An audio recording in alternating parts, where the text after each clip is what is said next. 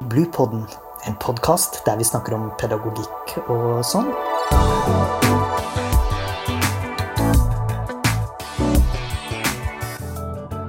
Podkasten är laget av barnehagelærerutdanninga vid Högskolan på Vestlandet.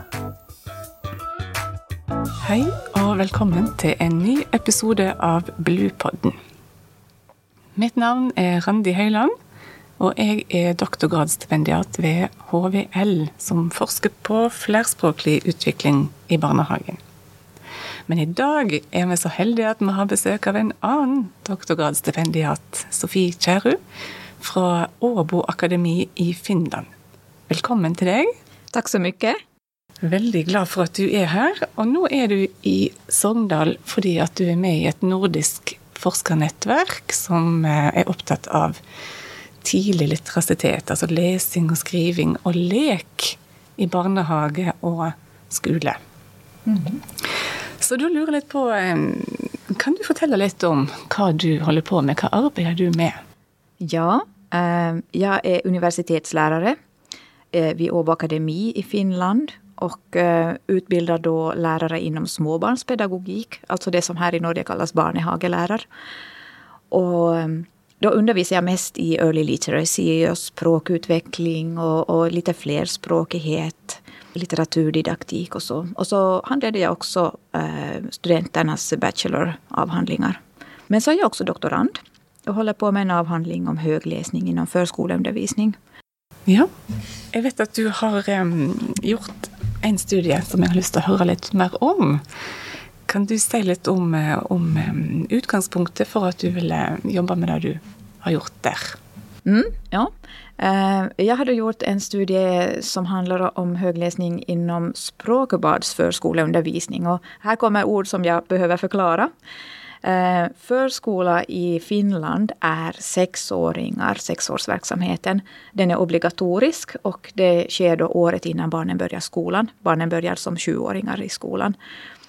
Och eh, Finland är ju ett tvåspråkigt land på det sättet att både finska och svenska är officiella språk. Eh, Svenskan har vissa regioner där den är väldigt stark och så att det är en, en stor fördel att kunna svenska också om man då är, liksom, kommer från ett finskspråkigt hem.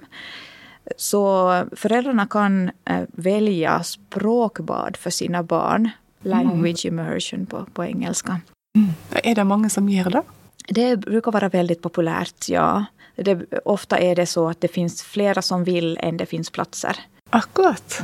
Så ja, det, det, det är liksom en, en fin möjlighet. har visat sig också väldigt effektivt. Alltså målet med, med språkbad är att barnen går de börjar som fyra till femåringar eh, i det vi då kallar daghem. Sen förskolan eh, är också språkbad och sen fortsätter de i språkbadsskola. Så de går hela grundskolan också eh, i språkbad. Och tanken är att, att efter, efter den proceduren så ska de i princip vara funktionellt tvåspråkiga trots att de inte har fått tvåspråk hemifrån så att säga.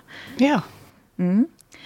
Eh, och eh, de barn som jag har tittat på så är då sådana barn som har talat finska hemma. De har ingen svenska hemma. Eh, Men de har då gått ett eller två år i språkbadsdaghem och sen i språkbadsförskola då när jag var och besökte dem. Och då har jag tittat på högläsningen eh, som skedde där bland personalen. Personalen, det var tre olika som jag tittade på och eh, det var då en lärare, en barnskötare och en assistent som alla läste, läste högt för barnen. Och ehm, det... Ja... ehm, min nyfikenhet var kanske det här att hur går det till? Vad, vad, vad, hur går det till med, med högläsning överhuvudtaget i förskolan? Hur går det till i språkbad? Och så vidare. Och eh, jag ville då se på, på det här att vad, eh, vad, vad, liksom, vad gör lärarna? Vad verkar vara lärarnas agenda med högläsningen? Och på samma sätt, vad är barnens agenda med högläsning? Att kan man få ut det genom att titta, fi- videofilma och titta på, på de här stunderna? Och eh, det tyckte jag ju att jag fick fram lite grann i alla fall. For, for høytlesing, er det en em, vanlig og sentral aktivitet? Eh, Hvordan foregår dette her? Ja, ja det, ehm, det finns andra studier som visar att, att eh, i, åtminstone i förskoleundervisningen så, så är det många rapporterar daglig högläsning, att det, det anses väldigt viktigt. Och en förskoledag i Finland är fyra, fyra timmar lång innan man går över till mhm. annan, andra, annan form av aktivitet om man inte går hem. Så att eh, av, av de fyra timmarna så är det alltså minst en gång högläsning för det mesta. Ja. Um. Föregår det i grupper eller är det mm.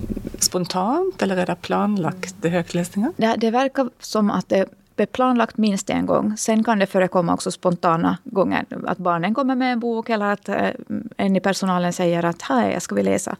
Men oftast så, så finns det liksom en, en planlagt under dagen. De har ju inte lektioner som i skolan, eh, men det finns ändå en form av dagsprogram. Och där finns det inprickat läsning. Mm. Så. så du observerade dessa högläsningsstunder?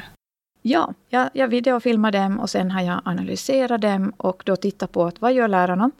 Eh, utöver det här som man kan förvänta sig, nämligen att läsa upp texten i boken och visa bilderna. Men alltså, vad gör de med kroppen? Vad, vad säger de som inte står i boken? Eh, och så vidare. Och sen samma sak med barnen. Jag tänkte att det, det man kan förvänta sig är väl att barnen sitter och lyssnar och tittar på bilderna. Men vad gör de mera? Vad säger de? Vad gör de? Vad visar de? Så, ja. Var detta böcker som de valde själv? Lärarna sa att de har valt böckerna. Eh, och de hade alla tre, det var tre vuxna som läste och eh, de tre hade alla valt Mamma Mu. Eh, som är säkert också ganska känd i Norge gissar jag. Ja. ja.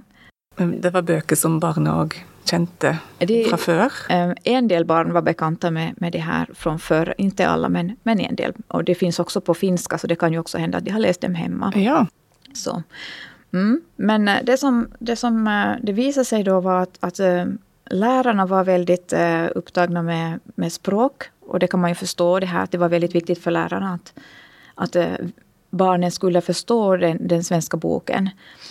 De, de visade med kroppsspråk olika saker, ehm, som att någon trillade i snön eller att kråkan flaxade eller något sånt.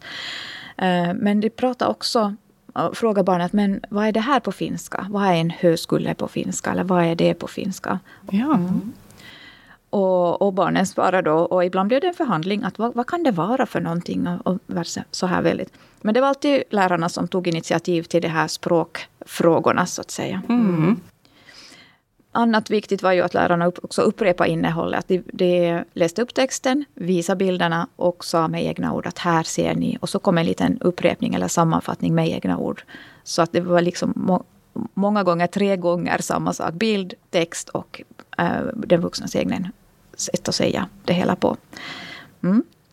Så för personalen var väldigt som, språkbetonad, tänkte jag. Mm. Um, medan barnen, så uh, jo, de svarade glatt på, på frågor och initiativ om språk, men de tog aldrig själva initiativ till språkfrågor eller diskussioner. Istället så, det som barnen gjorde var att de uttryckte sin entusiasm. Det var väldigt så här uh, glatt och um, entusiastiskt. Så här att, ah, levde sig in i berättelsen och man kunde se att de äh, gjorde miner när man såg på ja, kråkans min på en bild, så en del barn upprepar minen. Kände hur det kändes själva att göra den här samma minen eller titta ut genom fönstret som kråkan gjorde. Och så. Sen var de också fina på att dela sin upptäckt med andra. Att ah, se, se, en hamburgare, oh, kolla, titta allihopa. Um, och, och, så, så det var liksom egna uttryck, egen entusiasm och lite också fantisera vidare kring innehållet. De fick inte väldigt mycket utrymme för det av personalen, men i den mån som de kunde göra det så, så, så gjorde de det. Mm. Mm. Men äh, när man tittar på de här stunderna, det kändes som väldigt fina stunder när jag videofilmade dem, så det finns ingenting negativt att säga om det. Nej, nej. Men när jag tar på mig analysglasögonen äh, så börjar jag tänka på det här att ja, att äh, samarbete fanns på det sättet mellan pedagogerna och barnen, att barnen svarar på, på pedagogernas språkfrågor. Mm. Um, men det var sällan som en pedagog sa någonting eller gjorde någonting med barnens um, initiativ till eh, att liksom glada utrop och, och glädje och, och wow, se här på den här bilden. Utan det blev ganska så här att mm, okej, okay, nu går vi vidare. Och nu ska vi läsa vidare. Mm. Eh, det som barnen och pedagogerna samspelar kring var egentligen bara det här att upprätthålla situationen. Att ja, nu börjar vi, nu går vi vidare. Eller att räcka upp handen och säga, ah, kan jag säga någonting? Och så här. Mm. Det är ju väldigt intressant. För jag tänker ju att um, vad kan vi lära av detta i vidare förstånd? För språkbad är ju lite ovanligt kanske, mm. i, i, i, för exempel i Norge. Men vad kan vi träcka ut av dessa funnen och vad kan vi göra i, i vår bildebok, läsning och samtal?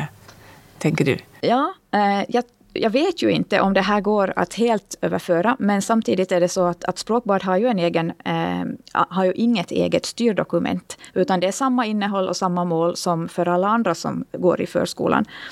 Eh, och det verkar ju som att att eh, fokus på språk, ja det är viktigt, men samtidigt eh, böckerna är ju liksom, det är en högläsning eller en bokläsning är ju också en estetisk upplevelse. Eh, och då tänker jag att det behöver ju också eh, stödjas och, och, få utrymme. Eh, för det är ju nog så viktigt med tanke på läsglädje och att bli inspirerad och så vidare. Att också den biten får, får synas. Så inte, inte bara inte bara språk utan också någonting mera, tänker jag. Um, och där tänker jag att den, den som jobbar i barngrupp så, så kan ju själv tänka att hmm, vad gör vi med barnens initiativ och så. Att, kan vi, tar vi fasta på det? Mm. Ja. Eh, det tror jag är väldigt viktigt att ta med oss. Eh, detta som du snackar om entusiasmen och leva sig in i. Eh, tänker du att det är en annan didaktik eller annan eh, lesedidaktikk och samtaledidaktikk fordi att barnen är flerspråkliga? Jag tror att det på ett sätt så behöver ju eh, förståelsen finnas där för att ja. man ska uppskatta en bok. Eh, men det är ju inte nödvändigtvis så att det är det enda som ska finnas. Mm, eh, varken för språkbad eller för någon annan. Så jag tänker att det borde inte vara så annorlunda ändå. För att både språket och upplevelsen behöver få plats i högläsningen. Mm. Uh, inte bara det ena. Mm. Mm. Absolut. Det var väldigt fint att höra på eh, dina funn och din forskning. Och jag vet att du håller på med flera andra projekt. Oh ja. ja eh, det kommer mer, så följ med på Sofie Kärru framöver. Tusen tack för att du ville prata med oss idag. Tack så jättemycket för att jag fick vara med. Mm. Podkasten er laget av barnehagelærerutdanninga ved Høgskolen på Vestlandet.